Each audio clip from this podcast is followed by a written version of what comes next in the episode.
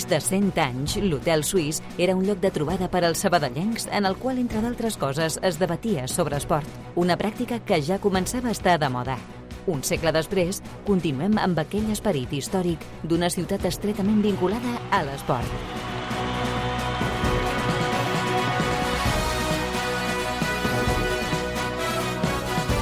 Hotel Suís, amb Pau Vituri.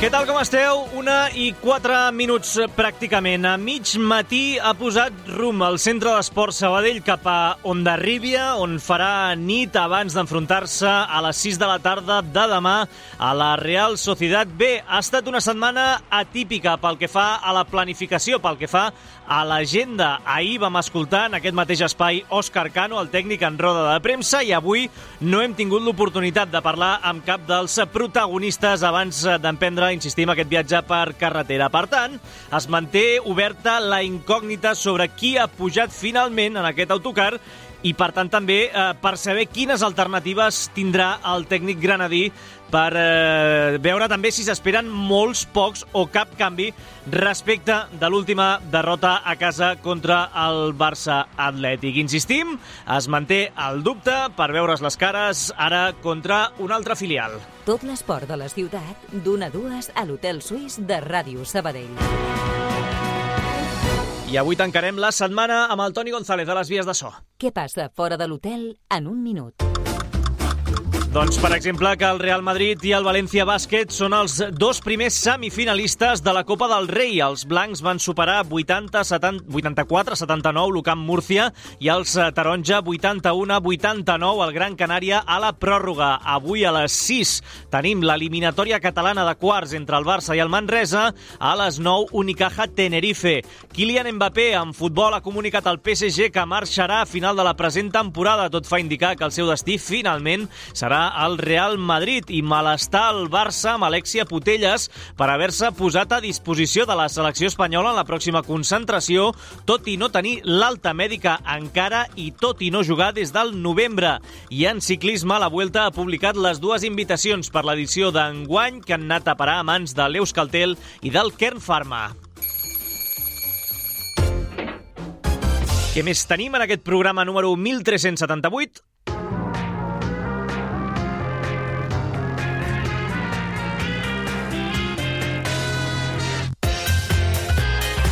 Comenta la recepció? Doncs avui no tenim roda de premsa, però sí que escoltarem el bo i millor d'Adrián Hortolà i de Raül Baena, dos dels veterans de la plantilla abans d'aquest partit contra el Sanse. També el retorn de la Lliga Elite amb la visita del Sant Boià de l'exarlequinat Xavi Laborde a Olímpia, el bronze de la selecció espanyola femenina de waterpolo, un nou rècord d'Espanya de Sergio de Celis, Iker Pajares avançant ronda a Washington, ciclisme i atletisme l'actualitat de la primera ref. Ahir ja feia una petita pinzellada l'Adriana Arroyo pel que fa al gol nord. Avui ja ho podem confirmar de totes. Sold out.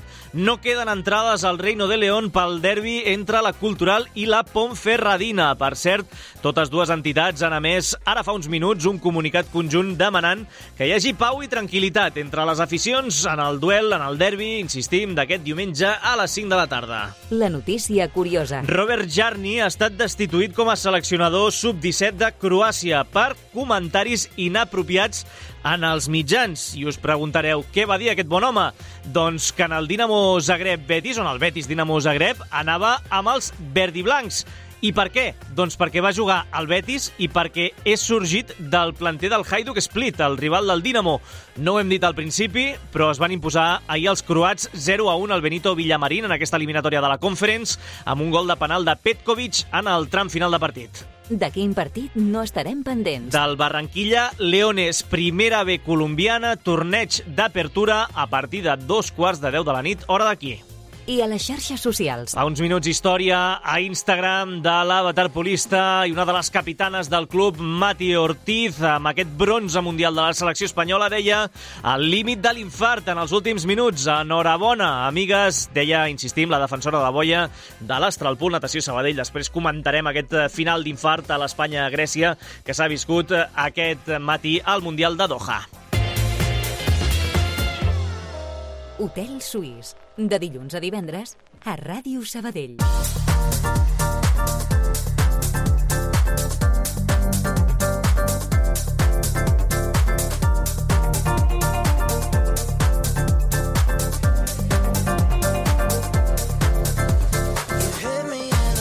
Som-hi, ens posem en marxa. Últim hotel suís de la setmana, una i gairebé 9 minuts. Hotel suís atípic, com estan sent els d'aquesta setmana entre el Dia Mundial de, de la Ràdio dimarts, amb el programa especial des de, des de la plaça del doctor Robert, ahir amb, amb la roda de premsa d'Òscar Cano, eh, sent dijous, però ho hem explicat al principi. L'agenda està alterada perquè des de mig matí l'equip està viatjant per carretera fins a Guipúscoa, fins a la província de Guipúscoa fins on arribi, en aquest cas, per fer nit abans del duel de demà a Zubieta, demà a les 6 de la tarda, entre la Real Societat B i el Centre d'Esport Sabadell. Això què vol dir? Que de normal l'hauria de saludar des de la zona mixta, molt probablement de la Nova Creu Alta, però el tinc al meu costat, a la meva dreta. Sergi Parc, què tal, com estàs? Bon dia. Què tal, Vituri, com estàs? Avui hi ha hagut entrenament a la Nova Creu Alta, ho hem pogut veure a les fotografies eh, que ha penjat el Sabadell a les eh, xarxes socials, però a aquesta hora, insistim, no hi ha, no hi ha roda de premsa perquè l'equip ja, està, ja està viatjant per carretera. Circumstància que s'ha repetit ja en més d'una ocasió quan el centre d'esports li toca jugar en dissabte a domicili, sobretot si és amb un desplaçament llarg com és a, aquest cap a Terres Guipuscoanes per, enfront, guipuscoanes per enfrontar-se a la Real Societat B. Per tant, com dius, la logística ha canviat per aquesta prèvia de la jornada 24, en què recordem, eh, el duel de demà és a les 6 de la tarda, però l'equip, com deies, Vituri està viatjant a aquesta hora, arribaran al tard de la tarda al vespre, cap a Ondarribia, com deies, que és on s'allotjarà el conjunt arlequinat. Bona plaça, eh? per, fer sí. una, per estirar les cames, per fer una volteta, si, si poden fer-la els jugadors del Centre d'Esports Sabadell. Uh, hem vist fotografies, hem vist un vídeo, després uh, especularem sobre la convocatòria del Centre d'Esports Sabadell, perquè insistim que avui no hem tingut tampoc l'oportunitat de, de poder parlar amb alguns dels seus protagonistes a la prèvia d'aquest partit, però sí que el que farem avui aquí a l'Hotel Suís és rescatar el bo i millor del que han dit aquesta setmana eh, dos dels pesos pesants, m'atreviria a dir, de la plantilla, dos dels seus veterans, un d'ells, el sisè que més, Adrián Hortolà, 30 anys, l'any passat, tiro de memòria, a aquestes alçades, estàvem parlant eh, abans de l'arribada de Raül Baena, del, del més veterà de la, de la plantilla, i precisament el mateix Raül Baena, que continua ostentant aquest honorífic eh, eh, honor, valgui la redundància, de ser el més veterà, 34 anys, gairebé 35. Sí, escoltarem a, els dos, com dius, eh, dos dels més grans d'aquest vestidor arlequinat, que, per cert, una circumstància que ha anat canviant força amb el mercat d'hivern, perquè han sortit jugadors majoritàriament joves, com era la plantilla, que es caracteritzava per això, per aquest perfil més jove a, a l'inici de, del curs, i en canvi han arribat doncs, el Carles, els Carles Salvador, Sergi Maestre, David Soto, que superen en edat a Adrián Ortola, per exemple, i també hi és Manel Martínez, en aquest cas, superant al porter de Xàbia. Per tant, això, la mitjana d'edat del centre d'esports, doncs, òbviament que ha crescut també amb, amb tots els canvis que s'han fet en el mercat d'hivern.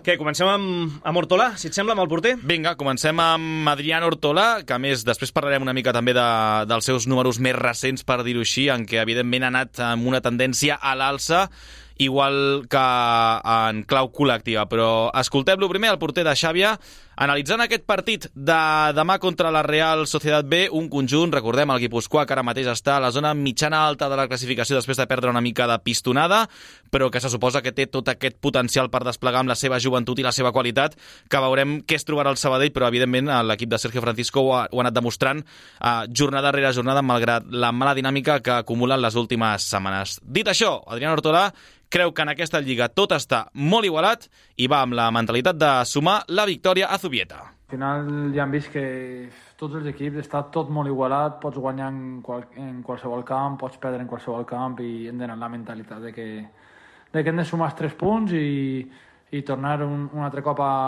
a casa a seguir fem feina per a intentar sortir d'allà baix el més aviat possible. Doncs eh, amb aquest punt d'urgència també, com, com apunta Adrián Hortolà, és cert que el Sabadell no li ha sortit bé aquest plantejament o aquesta mentalitat de tenir l'oportunitat de, de sortir del, del descens eh, sense mirar altres eh, partits. Eh, aquesta jornada tot i intentar guanyar els 3 punts, com ara deia Hortolà, això no serà garantia de, de sortir del descens, tant de bo, eh, que els, els signem aquests eh, 3 punts contra la Real, vaja, sense, amb els ulls tancats, però s'ha d'estar amb un ull posat, eh, Sergi, a tant al partit del Cornellà com el del Tarazona. Sí, després repassarem una mica el cap de setmana en clau grup 1 Primera Federació, però com dius, eh, el Sabadell, en tot cas, si vol sortir d'aquesta zona de descens, hauria d'aconseguir una cosa que la temporada passada va estar a punt d'assolir, a punt de donar sorpresa, però finalment no. És a dir, la temporada passada Recordem, el duel a Zubieta va acabar amb 1 a 1, a punt de guanyar el conjunt de, de Miqui Lladó, que és veritat que estava en bona dinàmica, i va signar, jo crec que una de les millors actuacions com a visitant, sobretot va sorprendre pel fet de veure qui tenies al davant, també. Tenies un, un equip molt potent com era també aquella Real Societat B de la temporada passada, l'equip de Sergio Francisco, i el duel va acabar 1 a 1, si ho recordes, Pau Vituri, segur que sí. Uh, tinc, tinc una imatge uh, d'aquell partit, recordo la pífia de, de Juanmi Carrión, però ara mira, m'has enganxat que estava repassant uh, sé que va haver-hi també una, la decisió arbitral polèmica amb un jugador del Sanse amb el braç a terra, però el gol del Sabadell no el recordo. Cristian Herrera, un golaç, una jugada individual, si no recordo malament, sé que va marcar Cristian Herrera, això segur, i crec que va ser doncs, això, una jugada individual. Sí, eh, minut 79. Sí, que va servir exacte per empatar un partit que s'havia posat coll amunt precisament per aquesta errada de, de Juanmi Carrion, que després recordo que al cap de les setmanes es va redimir, sí, tenim sí. bones actuacions, per tant, eh, al final estem parlant, Vituri, que els responsables d'aquests gols ja no hi són en el conjunt arlequinat, tots dos han marxat en el mercat d'hivern, per tant, moltes coses han canviat respecte a la temporada passada i això fa referència precisament a Adrián Ortola. Crec que la segona part que vam fer allà va ser, va ser espectacular, però, però bueno, com ja et dic, són situacions una mica diferents per perfil d'equip de, i, i anirem allà a guanyar els tres punts. Doncs uh, mira, estava, estava amb la crònica d'aquell dia. Uh, realment, el, el gol de... Tot i parlar ara, Hortola, d'una bona segona meitat, el gol del Sanse arriba en el tram inicial de, de la represa. Sí. Aquesta errada de Juan Micarrión que li regala uh, la pilota a l'àrea petita a Gabilondo és cert que després eh, també se li posa de cara al Sabadell, després del gol de Cristian Herrera, per l'expulsió de González de Zárate, per doble amonestació, que havia entrat a la segona meitat, eh, el futbolista Urdin, i arriba aquesta jugada polèmica en els darrers instants eh, amb el, la pilota que impacta a la mà d'Arambarri. Eh, sí. Però bé, aquí estaríem en allò de posició natural, posició no natural... Bé, aquell dia vam arribar a la conclusió al final que no era penal.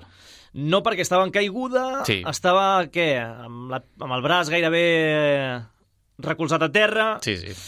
Mm, bé, si més no queda així, queda, queda pel record, eh, l'última visita del, del Sabadell a Zubieta, aquesta, aquesta circumstància. Però bé, una més d'Hortolà? Sí, una més d'Hortolà, precisament amb aquesta circumstància que comentaves abans, Vituri, d'aquesta nova oportunitat per poder sortir del descens, tot i que, insistim, eh, el Sabadell en aquest cas no depèn d'ell mateix per sortir perquè encara que es donessin aquesta sèrie de resultats, vaja, que ja eh, no hi ha duels directes on els equips eh, implicats es puguin treure punts entre ells, per tant, és veritat que una victòria probablement et hauria del descens, tot i que no t'ho garanteix al 100%, i recordem eh, que amb aquesta circumstància, amb aquesta situació, es troba jo el conjunt arlequinat des de fa setmanes, des d'aquesta remuntada a la classificació, amb totes les victòries consecutives que va assolir el conjunt d'Òscar Cano a l'iniciar el 2024, ens vam plantar a les gaunes amb l'opció de sortir del perill, amb aquell empat a un no es va poder sortir, setmana següent a casa contra el Rayo Majadahonda, empat a un també, si el Sabadell hagués guanyat hauria sortit del perill, no ho va aconseguir, i la setmana passada, doncs, amb la derrota contra el Barça Atlètic,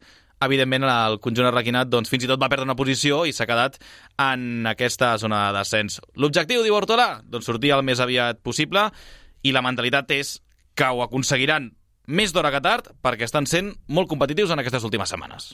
Venim d'un dèficit de punts molt, molt gran i, i bueno, al final estem, estem allà a la corda que amb una victòria victor en dos victòries surts del, del descens i, i bueno, anem amb aquesta mentalitat de, de que en, qualque, en qualsevol moment eh, sortirem d'allà perquè l'equip està molt capacitat i, i amb ganes de fer-ho. Un Adrián Hortolà a Parc eh, que està també oferint una molt bona versió en aquest 2024. Recordo dimecres de la setmana passada que també al web de Ràdio Sabadell eh, ho parlàvem també aquí amb l'Adriana Arroyo, des, desgranàvem una miqueta els, els números defensius del Sabadell i com setmana rere setmana aquesta mitjana de gols en contra eh, anava decreixent. Ara mateix la dada no sé com, com deu estar, però, però bé, amb, amb l'únic gol que va fer el Barça Atlètic Atlètic el cap de setmana passat. És cert que ha tornat a baixar aquesta mitjana de, de gols en contra rebuts, eh, però vaja, és un altre, un altre hortolà, eh, personalitzant-ho en, en el porter. Sí, jo crec que en el cas de, de Xàbia, eh, la seva millora ha arribat una mica més tard que l'arribada de Cano. És a dir, eh, amb Cano s'han millorat aquests registres defensius, però sí que és cert que en els primers partits amb el Granadí a la banqueta, Adrián Hortolà encara va oferir alguns partits amb algun dubte l'aturada nadalenca va significar aquest punt d'inflexió, jo crec, per Adrián Hortolà. I, de fet, en aquest 2024, més enllà de que el Sabadell només ha encaixat 5 gols en 6 partits, que jo crec que és una xifra que demostra aquesta clara millora respecte a la sagnia que estava significant doncs, abans de Nadal o abans de l'arribada d'Òscar Cano, també s'ha reflectit en la millora en les actuacions mostrant seguretat i solidesa d'Adrián Hortolà sota pals fins al punt, fins al punt que, recordem, va aturar un penal en el partit contra el Tarazona i fins i tot un segon penal el dia del Celta Fortuna, tot i que ell no l'aturés, imagino que la seva presència doncs, també va intimidar. va intimidar aquí al futbolista de, del filial Celeste, dos penals fallats per part de, dels rivals en aquest 2024. Més enllà d'això, més enllà d'aquesta circumstància, és evident que la figura d'Hortolà doncs, també ha fet aquest canvi de, de xip, aquest clic en el 2024, donant aquesta seguretat que potser necessitava l'equip al darrere. Sobretot aquesta xifra eh, de 5 gols encaixats en, en 6 partits que han fet també que el Sabadell ja no sigui la pitjor defensa del, del grup, recordem, eh, 36 gols en contra, encara és una xifra, déu nhi eh, per portar que 23 partits, no? 23, sí, 23. 23 jornades, déu nhi eh, Però bé, ja la SD Logroñés, amb aquesta maneta que es van dur a casa les gaunes contra el Depor, doncs l'ha superat en, en aquest apartat i és bona notícia notícia perquè la veritat és que fins fa no gaire el Sabadell era, amb diferència, el pitjor equip, el pitjor equip en aquest apartat de, de la Lliga. Va, som-hi, anem a escoltar el segon protagonista.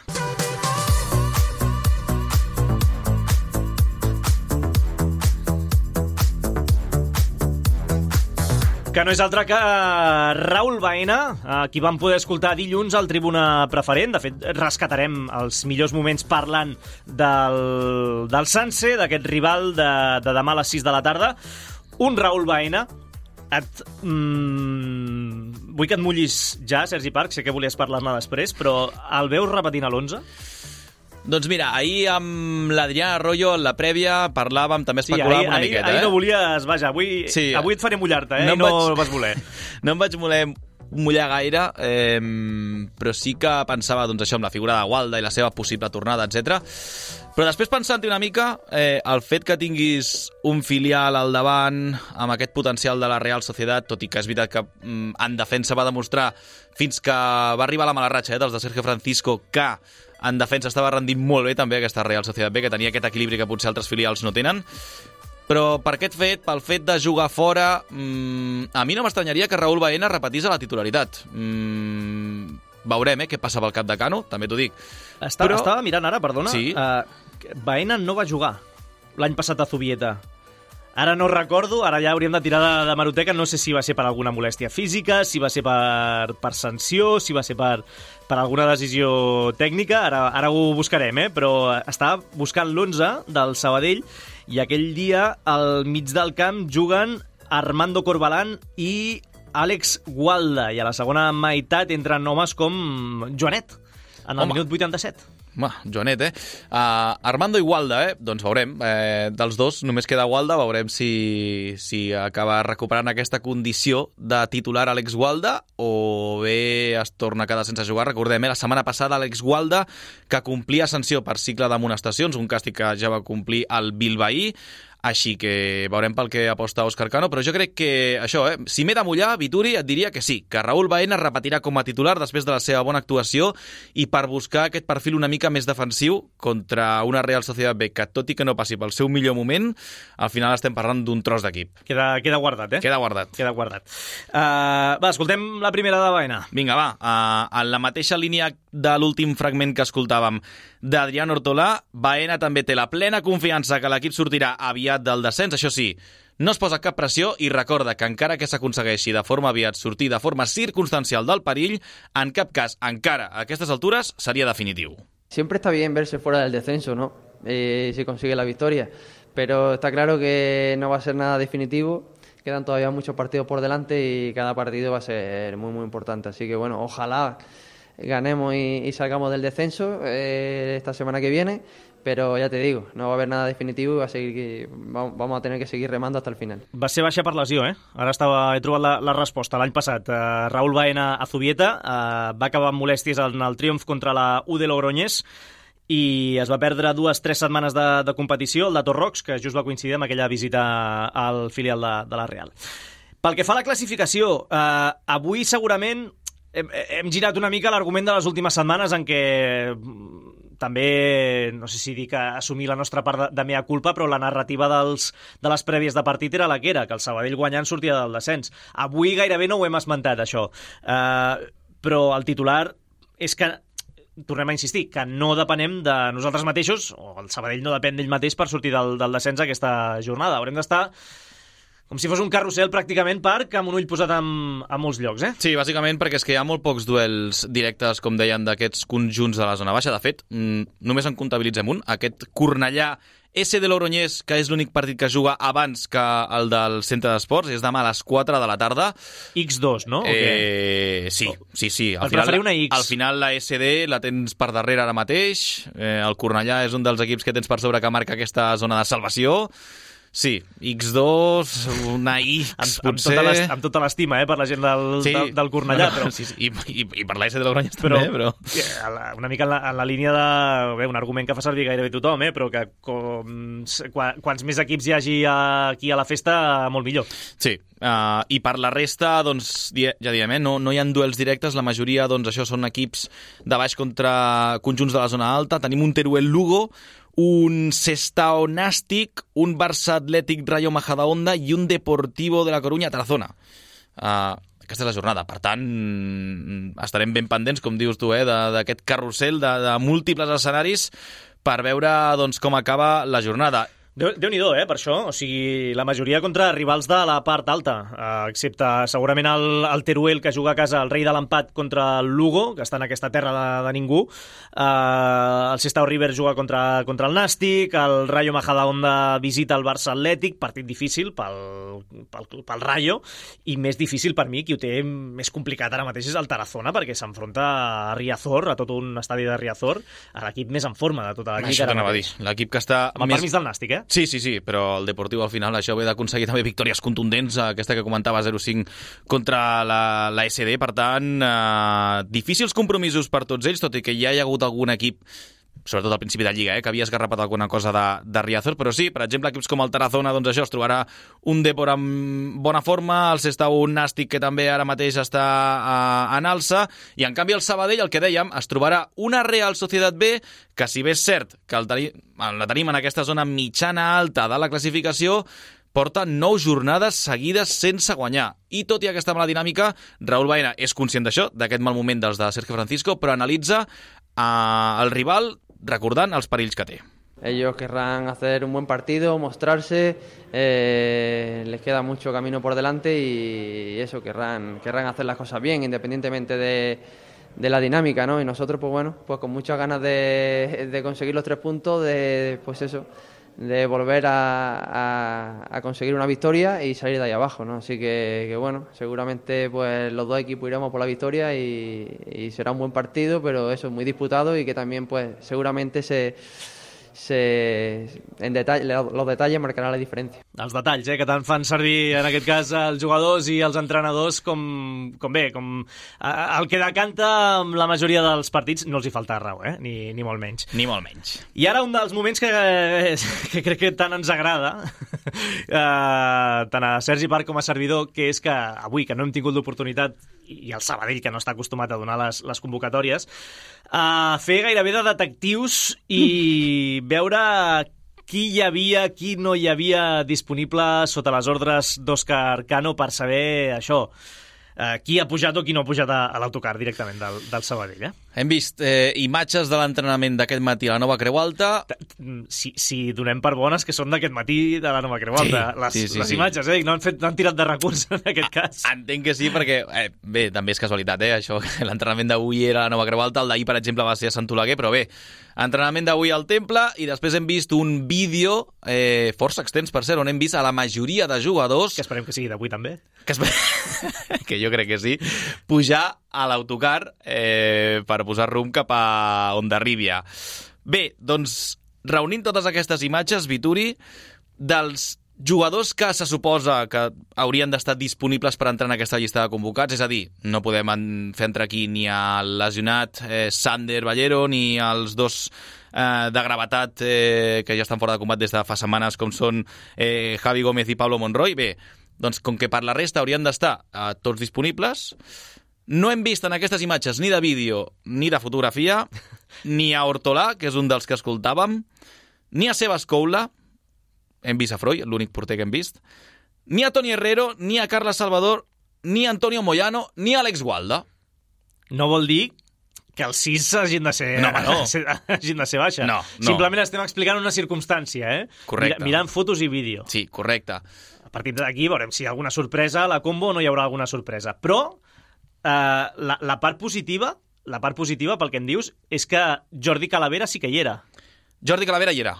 Serà la gran novetat per dir-ho a la convocatòria. Uh, a més, ahir a la roda de premsa d'Òscar Cano doncs, uh, deia que havíem d'esperar el dia d'avui per saber si entrava a la convocatòria definitivament o no, tot i que ja havia fet bona part del treball en grup en els últims entrenaments. Doncs bé, Calavera serà la gran novetat. Si vols jugar a la Loto Cano, Vinga. difícilment a mi, mm, per mi crec que seria titular demà, sobretot per això, perquè si ve d'arrossegar molèsties se'n fa difícil i crec que amb Estals encara pots confiar, sobretot per Jo les últimes jornades. I a partir d'aquí, doncs, la resta de l'11... Jo diria que repeteix Baena. Tu també, eh? Sí, Estàs amb sí, mi, eh? soc de, de la teva corda, que, que repeteix Baena a l'11. Ho dic perquè, sobretot, tenint en compte que Òscar Cano, pel que hem vist de moment aquí a Sabadell, pel que hem vist a Sabadell, no seria massa amant de fer canvis als, als 11 Correcte. i perquè ve de fer un bon partit, Raül Baena, t'enfrontes a un filial una altra vegada, potser necessites un perfil més de contenció en el, en el mig, i a partir d'aquí veure què passa amb les posicions de dalt. Potser Marc Domènech és una alternativa per tornar a l'11, ara fa unes setmanes que no, que no el veiem. A mi se'm fa difícil, no sé si opines el mateix, ara ens estem tirant ja aquí, eh, fem, estem fent, com dèieu ahir, l'espai de tribuna, eh? però potser si en Marcos Baselga l'altra vegada que va estar lesionat eh, es va actuar amb cautela eh, i no va ser titular, diria que ni contra l'Unionistes, que era quan repareixia, ni a Lleó, se'm fa difícil havent jugat 5-6 minutets en l'últim partit que ja ha sortit d'entrada a, a Zubieta. Crec que serà més una alternativa a la segona meitat. Per tant, jo tinc la sensació que hi haurà pocs canvis. Sí, jo també, jo també. I l'entrada de Dome, mm, com dius, és que al final en les últimes jornades no l'hem vist en detriment de Marc Marruecos, però jo crec també que al final, pel cap de Cano, imagino que deu passar el fet de, de voler mantenir endollat a Dome, no? que al final t'estava també donant un bon rendiment, amb un perfil una mica diferent del que mm, és Marro en aquests últims partits, un jugador més vertical, més per fora, etc. Veurem si és titular ja Dome, però jo crec que si no és titular demà, aviat el veurem, jo crec, el, el Barceloní en l'11 titular. Doncs uh, això sortirem de dubtes d'aquí a poc més de 24 hores. Demà a les 5 de la tarda, una hora abans del partit, quan es publiqui aquest 11 del Centre d'Esport Sabadell, sabrem quins són els 11 escollits pel tècnic granadí Òscar Arcano. I a tot això, uh, com passa sempre també amb els, amb els filials, i la setmana passada vam tenir aquest exemple amb el, amb el Barça Atlètic perquè jugava a continuació el primer equip de la Real B, que en, que, que en sabem d'aquesta convocatòria. Clar, caldrà estar pendents perquè és veritat també que coincidint amb aquesta mala dinàmica dels de Sergio Francisco hi ha hagut força jugadors del filial que han anat convocats a Mimanol Alguacil al primer equip. Eh, veurem què passa perquè els John Martín, els John Aramburu, fins i tot Fiabema, etc etc, eh, els hem vist eh, més d'una convocatòria amb el, amb el primer equip. De fet, ahir Cano recordava que en el duel de Champions entre el PSG i la Real hi havia més d'un jugador de, del Sanse. Per tant, caldrà estar pendents Horari del partit del primer equip, Pau Vituri, juga diumenge, no dissabte, però juga a domicili. Mallorca-Real Societat, a dos quarts de set de la tarda. I falta veure si fan nit per davant o viatgen el mateix dia. Clar, això t'anava a dir. Eh... Això el Sergi Garcés ho tindrà molt més controlat que sí, nosaltres, eh? Sí, sí, igualment sí que és cert que eh, una mica forçat, en tot cas. Eh, bé, cansament Sí, pels joves, sí, sí, evidentment, vaja, que evidentment. ho aguantaran segur. Però, a tenir en compte també, veurem si acaba influint o no en la convocatòria de, de Sergio Francisco per demà. Doncs estarem pendents també de, dels escollits per part de, de Sergio Francisco. Tot això, insistim, demà a les 6 de la tarda, eh? des de mitja hora abans a la sintonia del Sabadell en joc de, de Ràdio Sabadell. No ens deixem res, oi, Parc? Crec que està tot dit, Vitori. Bé, ens falten les estadístiques, que avui les ha signat el Sergi Parc. Li posa veu, com sempre, gairebé sempre, la Núria Garcia.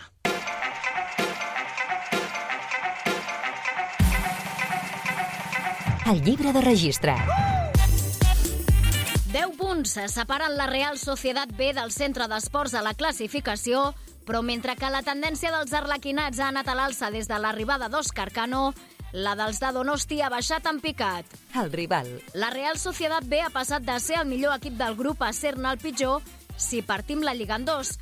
Els de Sergio Francisco van arribar al mes de desembre com a líders i sent els únics invictes de les tres categories del futbol espanyol. 14 jornades sense perdre. Des d'aleshores, però, s'ha revertit radicalment la dinàmica. Cap victòria en els últims 9 partits.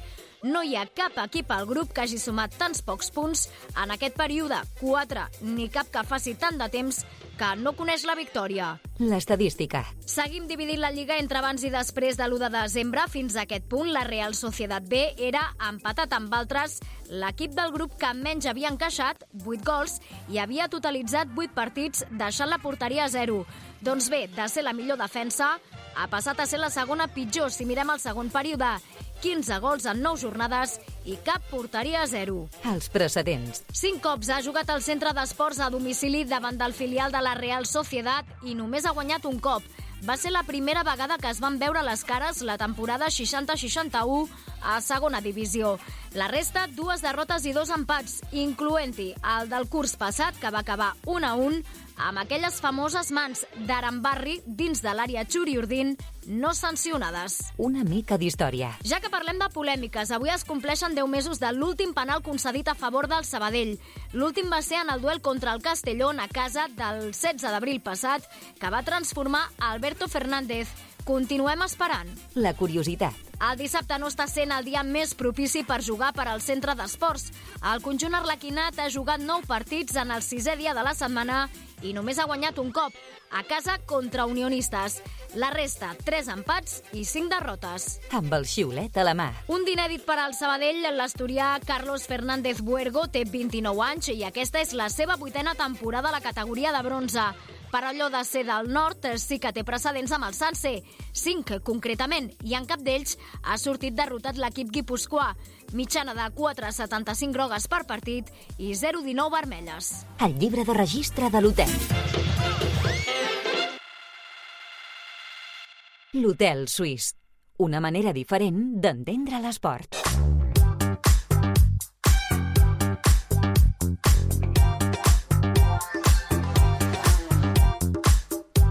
Som-hi, seguim amb més centre d'esports, en aquest cas amb el filial, perquè torna a la Lliga Elite després de l'aturada per Carnestoltes i ho fa amb el partit del filial demà a Olímpia contra el Sant Boià.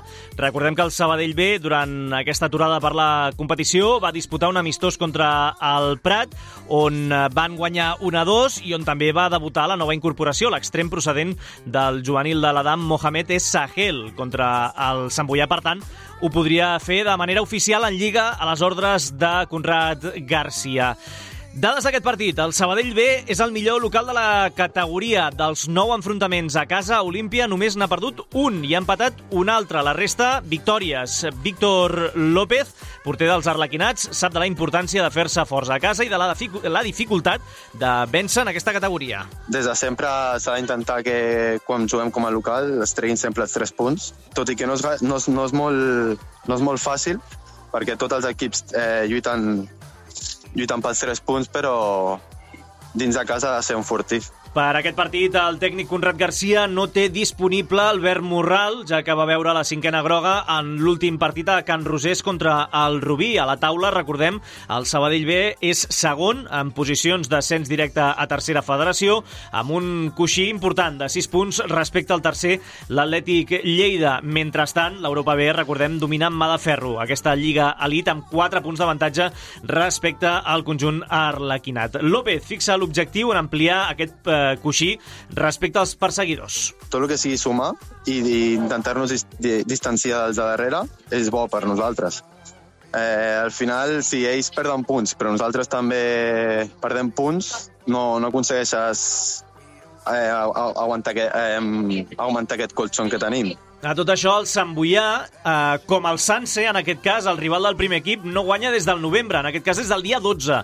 Vuit partits fa que no sumen els 3 punts. A les files del conjunt de Sant Boi hi ha un exarlequinat, Xavi Laborde, que va militar a l'Obrador durant els seus últims anys de l'etapa formativa i la temporada passada al filial. Un Laborde que ha parlat a Ràdio Sabadell en les últimes hores, parlant del perdó, component emocional que té per ell tornar a jugar un partit a Olímpia. He jugat al Soy bastants anys, vaig jugar a l'etapa cadet, a juvenil, al filial també, llavors per mi és, és casa meva, sempre, sempre ho he dit, i serà un partit doncs, doncs molt especial, eh, amb moltes ganes de, també de trobar-me de trobar amb els, els meus antics companys i, òbviament, doncs, sempre tornar a Olímpia i a, i a Sabadell és, és, és especial per mi. Un Laborde que, per exemple, en etapa juvenil, el Nacional va coincidir amb els Altimira, Stals o Freud, entre, entre d'altres, i que la temporada passada va tornar per reforçar, en aquest cas, el, el filial. Parlant del Sant Boià, aquest conjunt del Baix Llobregat, un dels pitjors atacs de la categoria, només 16 gols a favor i un d'ells anotat pel mateix Laborde, una xifra molt pobra tant per l'atacant com per l'equip, reconeixent ell mateix que està costant especialment en l'apartat ofensiu aquesta temporada. Està costant generar, eh, principalment, eh, més, més, més que no, no fallar-les. Llavors, doncs, també estem treballant una mica en aquesta línia, intentar doncs, generar més, arribar més, arribar més a l'àrea, que ja et dic que ens, sí que que ens està una mica i al final s'està veient reflexat en, les estadístiques. A la primera volta el duel es va saldar amb victòria arlequinada per 0 a 2 a Sant Boi de Llobregat. Eh, l'última de la Borde afirmant que hauran de treballar molt per poder treure conclusions positives del partit. Sabadell al final ja sabem sembla com, com juga, el, el joc combinatiu que té, la qualitat que tenen els, els seus jugadors. Eh, espero un Sabadell doncs, que vulgui dominar en pilota, que posi un clima molt al partit i que ens posi sobretot les coses doncs, molt complicades. Eh, al final, més o menys, ja sabem que ens podem trobar i hem de treballar molt i molt bé per poder entonçar algun positiu d'aquest partit. El Sant Boià, amb aquesta mala ratxa que comentàvem, és 12 a només dos punts de la zona de descens. Això sí, també amb entrenador nou des de l'última jornada. De moment, insistim, 5 empats i 3 derrotes en les últimes 8 jornades. Aquest duel entre el Sabadell B i el Sant Boià, la represa de la Lliga Elite, es disputarà demà a les 4 de la tarda a Olímpia. Hotel Suís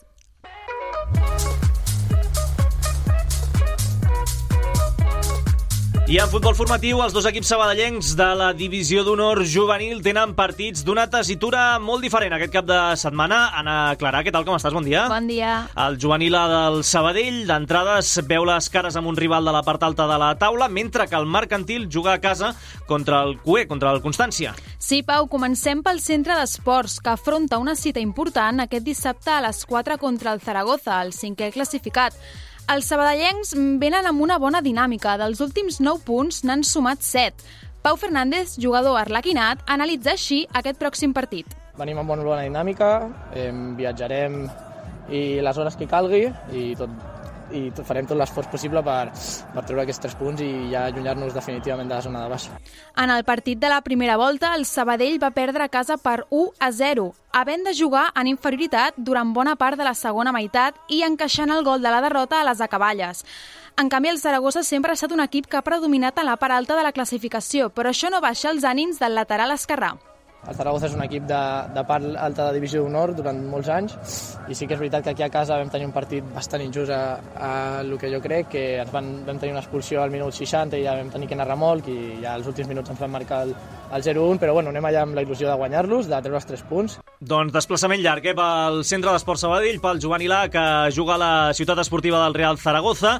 El mercantil, per la seva part, Anna, té la millor oportunitat de girar full ràpidament a la dura derrota del passat cap de setmana. Doncs sí, els Blaugrana venen d'unes dures jornades enfrontant-se contra rivals de la zona alta de la classificació i de perdre 4-0 contra el líder, l'Espanyol. Però tot i així són setens amb un punt per sobre del Sabadell. Els graciencs s'enfrontaran aquest diumenge a dos quarts de cinc contra el Constància, l'últim classificat. Carlos López, entrenador del mercantil, destaca la importància de ser un equip madur i de refer-se ràpidament de la derrota, de la derrota perdó, contra els pericos. Serà molt difícil, però normalment quan aquests partits que són tan importants doncs, apareix aquest nerviosisme, podem intentar entrar pues, en, un bucle de també recordar la setmana anterior que, que ens ha passat al cap de l'Espanyol, per tant, bueno, haurem de ser un equip molt madur, reposar-nos molt ràpid el del diumenge, perquè, com han dit, eh, per mi el partit més important de, de la temporada fins ara és amb molta diferència el del diumenge a casa.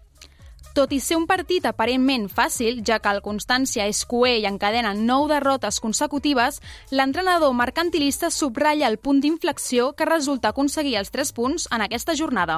Per nosaltres és una final, jo per mi és un punt d'inflexió molt important, perquè si guanyem, òbviament no estarà res fet, però sí que és veritat que l'equip uh, assolirà aquests 30 punts que, que després crec que ens farà falta uh, poca cosa més per, per, per quedar-nos un any a la categoria, cosa que seria històric pel nostre club doncs pràcticament titllant de, de final aquest partit Carlos López, després d'unes setmanes, ara ho explicava l'Anna, complicades, eh, havent de jugar contra els tres primers de la classificació, contra el Barça, contra el Mallorca i en l'últim cap de setmana contra l'Espanyol. I prèviament venien de jugar també el, el derbi contra el Joan del, del Sabadell.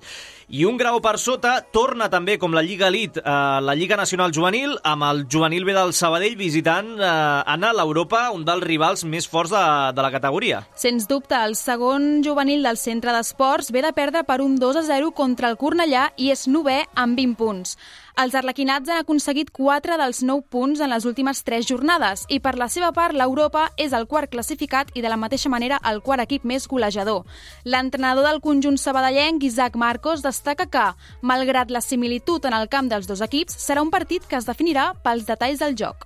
El Europa es un equipo que practica un fútbol muy asociativo, eh, busca eh, dominar siempre la posesión de balón, busca salir con balón desde atrás, cuando no tiene balón nos presionará muy alto la salida de balón nuestra, entonces va a ser un partido donde serán dos estilos muy parecidos, dos estilos muy iguales. Y sobre todo creo que va a estar en, los detalles, como todos este tipo de partidos. Recordem, el partit es disputarà aquest diumenge 18 de febrer a les 6 de la tarda al camp de l'Olímpia. Doncs eh, tindrem doble cita en aquest cas amb el Lliga Elite dissabte a les 4 i diumenge a les 6 a aquest duel del juvenil B del Centre d'Esports Sabadell contra l'Europa. Anna Clara, gràcies. Gràcies.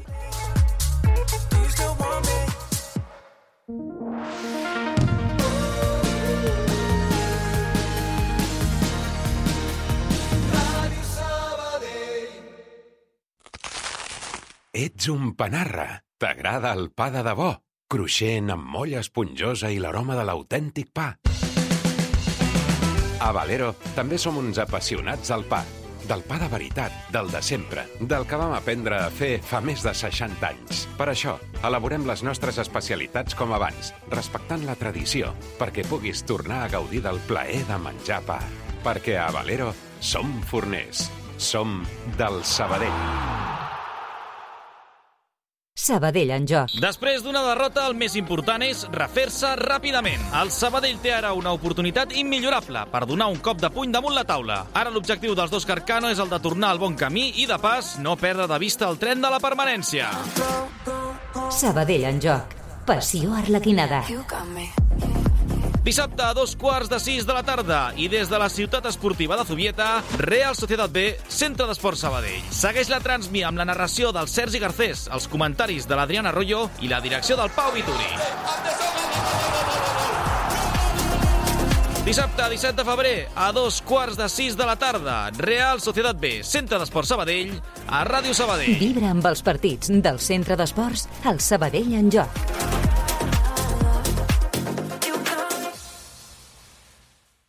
Catalunya està en emergència per sequera.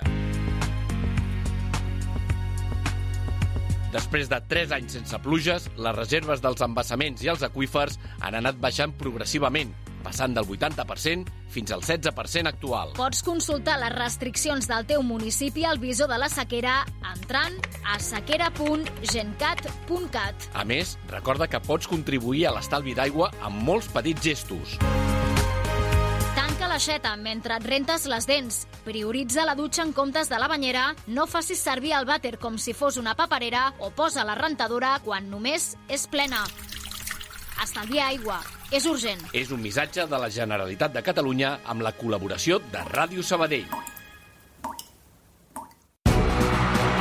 D'una a dues, l'Hotel Suís, a Ràdio Sabadell. Gairebé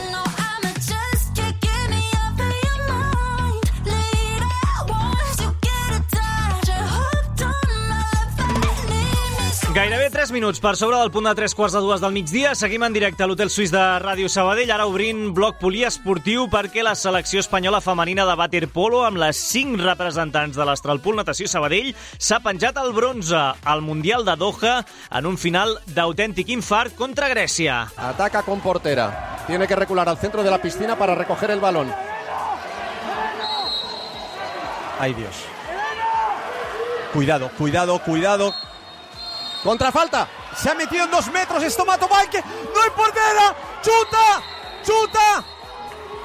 Chuta. Que es gol. Chuta. Esto es penalti. Eso es penalti. Es penalti. pide. Gol o, o penalti. ¿Qué? Gol. Gol. Gol. Gol, gol, gol, Gol. Gol. Que la árbitra acaba de indicar el gol. Que la árbitra acaba de indicar el gol de España. No había portera. Dicen que no, como es normal. Desde el bando griego. Qué final de partido. Ese humo quiere decir que aquí no hay más fuego, que se ha quemado todo, que España en un final tremendo acaba de ganar el partido por 10 a 9 para llevarse la medalla de bronce. Doncs així han viscut Joan Carles Garcia i Dani Ballart a Teledeporte, un desenllaç totalment rocambolesc en aquesta final de consolació. Faltant 7 segons, ho expliquem, les gregues han decidit atacar amb la portera després d'un temps mort, però ella mateixa, aquesta portera, ha comès infracció de dos metres i això ho ha aprofitat l'ex del club, Helena Ruiz, per marcar el 10 a 9 sobre la botzina a porteria buida. Yo qué sé, yo, yo eh, coge la pelota, primero me han tocado, le digo, eso no se vale, en plan, no le he sacado. Luego la Judith la coge, le cogen del brazo tres jugadoras, eh, eso es penalti, en plan. Y luego la cogió yo, he chutado y he chutado y ha, y ha entrado. Un nou èxit, en definitiva, per les cinc representants del Natació Sabadell, Maica Garcia, Laura Ester, Judit Forca, Bea Ortiz i Paula Leighton, que a més han tingut un paper molt protagonista en aquest partit, amb 7 dels 10 gols de la selecció espanyola. Les de Miki Oka han anat sempre per davant i han obert un forat de 3 gols en l'últim quart, gràcies a una diana de penal de Forca i un gol des de la boia de Leighton. Les gregues, però, han encadenat un parcial de 0 a 3 i després ha vingut aquest desenllaç eh, ja per al, per al record. La mateixa Bea Ortiz se'n feia creus després del partit. Ahora mismo no tengo palabras, la verdad que ha sido un partido muy, muy, muy, muy intenso. Pero bueno, eh, muy orgullosa del equipo, muy orgullosa del trabajo que hemos hecho, hemos luchado hasta el final, creo que ha quedado claro hasta el último segundo. Hay que seguir trabajando, eh, queremos más, esto no es suficiente para nosotras, así que nada, a seguir trabajando, lo dicho, muy orgullosa del equipo, muy orgullosa del trabajo que hemos hecho. Y ahora a disfrutar el bronce y a seguir trabajando porque ahora viene lo bonito que es París. És la cinquena vegada que Espanya puja al podi en les últimes set cites mundialistes i a més aconsegueixen l'última medalla que els hi faltava després d'una medalla d'or i tres plates. A tot això, una altra bona notícia perquè l'única representant del club que encara no tenia aquest bitllet pels Jocs Olímpics de París, Sofia Giustini, l'ha assolit avui mateix, després que Itàlia hagi superat el Canadà per 18 a 11 en el partit pel setè lloc. I precisament el Setevelo, la selecció masculina italiana, es va imposar, es va interposar ahir, volíem dir, en el camí d'Espanya cap a una nova final. El combinat de David Martín va perdre 6 a 8 en un duel en què no van estar gens bé en les superioritats. Els italians van obtenir així la seva vendetta després d'haver caigut a la semifinal de l'Europeu de Zagreb del mes passat. El seleccionador no tenia cap retret eh, pels seus jugadors, malgrat quedar-se sense final. Nada que reprochar al equipo, nada que reprochar. El equipo ha luchado hasta el final. Hemos estado desacertados, evidentemente, en ataque. Es un partido parecido al de Zagreb, pero al revés. Nos ha costado mucho meter gol. El partido se ha vuelto muy, muy físico.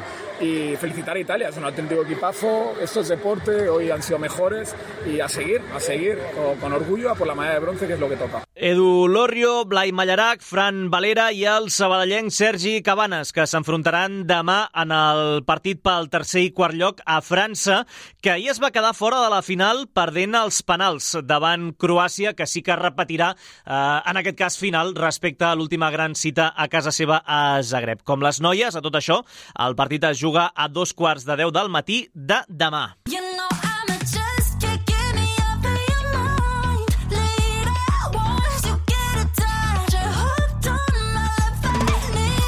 I encara a Doha, en natació, en aquest cas, eh, Sergio de Celis ha format part aquest matí d'un nou rècord d'Espanya. En aquesta ocasió, el del relleu 4x200 lliure, rebaixat en dues dècimes i classificat també per la final amb el setè millor temps, just per davant de potències com els Estats Units. Això sí, com va passar en el 4%, han aconseguit la classificació pels Jocs Olímpics, però dependrà també de les mínimes individuals que aconsegueixin els seus nedadors per acabar de certificar-lo. El nedador mallorquí del club ha vaticinat una millora aquesta tarda, tant personal com del relleu en general. Muy positivo, ¿no? Eh, el 4x200 de esta mañana. Ahora eso, solo queda disfrutar de la final y nada, seguir haciendo lo que, lo que sabemos hacer porque luego en la final la verdad es que las finales nos, nos solemos crecer y la verdad es que eso. Luis increíble, esa primera posta, César igual. Eh, para mí en lo personal, bueno, a ver si esta tarde me noto un poco mejor y nada, a ver si sale un mejor tiempo y así rascamos unas, unos segunditos o lo que sea para bajar esta marca. Doncs pendents de la jornada de tarda de natació al Mundial de Doha, la final serà quan eh, passin 3 minuts de dos quarts de set, insistim, d'aquesta tarda a Qatar, a Doha. Tot l'esport de la ciutat, d'una a dues a l'Hotel Suís de Ràdio Sabadell.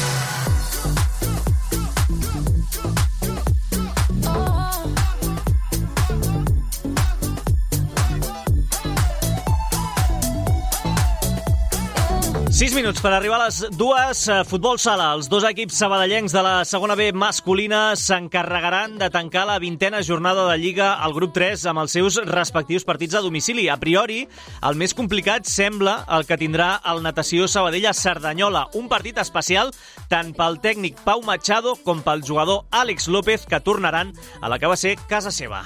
és raro, no? Al final vaig fer molt vincle, no? Soc una persona com a entrenador que m'agrada vincular-me al club, no? I aquell any doncs, vam viure moltes coses, després també l'any següent paron pel Covid, llavors eh, s'accentua molt, però segueixo tenint una relació excel·lent amb la gran majoria del club d'allà i però bueno, al final vaig anar allà que tinc ganes de guanyar-los, no? I després, bueno, al final la cervesa del postpartit és innegociable, no? Aquí no hi ha secrets, ja a sobre. Jo vaig estar 4 anys allà, eh, allò va ser la meva casa i, bueno, content de tornar, i, però amb ganes de amb ganes d'anar amb els tres punts. Faltava escoltar també Àlex López, que torna, insistim, a Guiera, a Cerdanyola. El club, a tot això, ve de frenar l'hemorràgia amb el triomf contra el València. Recordem, set derrotes consecutives i ara toca confirmar que aquesta nefasta ratxa ha quedat eh, del tot oblidada. El conjunt verd, això sí, té 7 punts més que els de Machado i és cinquè a 5 punts del play-off. El tècnic espera que aquesta última victòria hagi donat confiança i tinguin opcions de saltar, insistim, al pavelló de Guiera. A veure si aquesta victòria doncs, ens tranquil·litza una mica, sobretot perquè hi havia molts nervis, al final t'he entrat dubtes. Eh, la idea és la mateixa del principi, quan gaudíem i guanyàvem, i ara doncs, és el mateix. Un equip que proposi, un equip que sigui agressiu, que sigui vistós de veure, i a vegades, doncs, mira, et toca la part cruda, que és seguir treballant perdent, però és el que hi ha. I a tot això, l'Escola Pia, per la seva part, continua en el tram de calendari més assequible i visita ara la Montsant, un equip que, tot i ser antepenúltim, va derrotar tant el Natació Sabadell com els Escolapis aquí a la ciutat. El Can Colapi, concretament, amb un gol sobre la botzina en una tarda per oblidar, i el tanca Aleix Canet tampoc ho ha esborrat de la seva memòria. ho parlàvem i és un dels partits que més ganes tenim tots de jugar per això mateix, pel, pel mal gust de boca que ens va quedar el de la primera volta i estem convençuts de que aquest cop ens toca guanyar allà i sumar, sumar els 3 punts. Mentre que la Pia ha guanyat 4 dels 5 partits que ha jugat en el 2024, els barcelonins els han perdut tots. Canet, sense posar-se cap pressió, té la confiança de poder sumar el màxim de punts possibles contra rivals de la zona baixa per tenir alguna opció de reenganxar-se al tren capdavanter. Tampoc és una cosa que parlem molt. Sí que és veritat que nosaltres volem competir cada partit i tenim motivació per guanyar tots els rivals possibles. I és això, si arribem a final de temporada a 3 4 punts del play-off pues, sempre hi ha opcions. Horaris, dissabte a dos quarts de set de la tarda, aquest Cerdanyola Natació Sabadell Aguiera, mitja hora més tard, al turó de la Peira de Barcelona, Montsant, Escola Pia. Més informacions en format més breu. Ja tenim Iker Pajares als quarts de final de l'Squash on Fire Washington de Washington DC, com ara fa uns dies a la final del Campionat d'Espanya.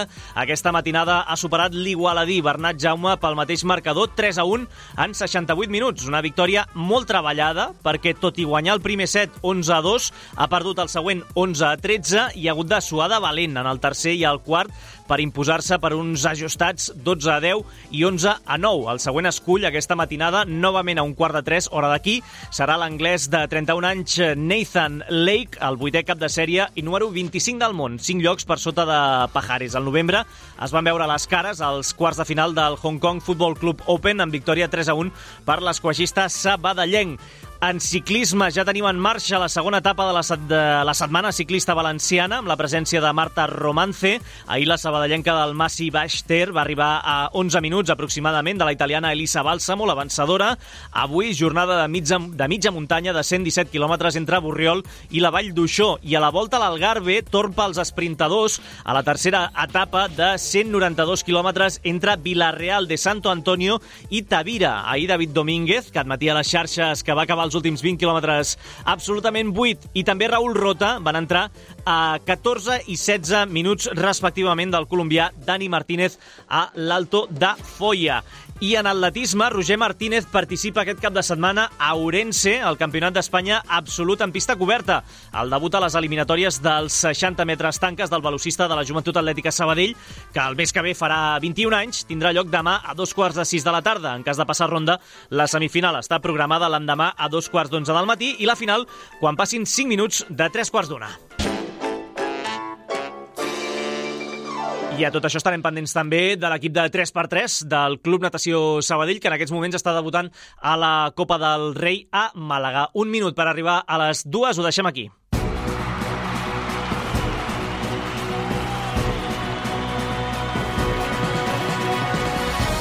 I us enviem una salutació del Toni González, que ha estat a les vies de so, servidor Pau Vituri, que us ha parlat en nom dels esports d'aquesta casa de Ràdio Sabadell, acompanyats eh, també pels nostres estudiants en pràctiques, Ivan Lechuga i Anna Clara. Demà ens hi, hi tornem a posar a partir de dos quarts de sis de la tarda amb aquest Real Societat B, centre d'esports Sabadell eh, des de Zubieta. Ara el Notícies migdia amb la Núria Garcia al capdavant i amb novetats pel que fa a l'arribada de la B40 aquí a Sabadell. Que passeu bon cap de setmana. Adéu-siau.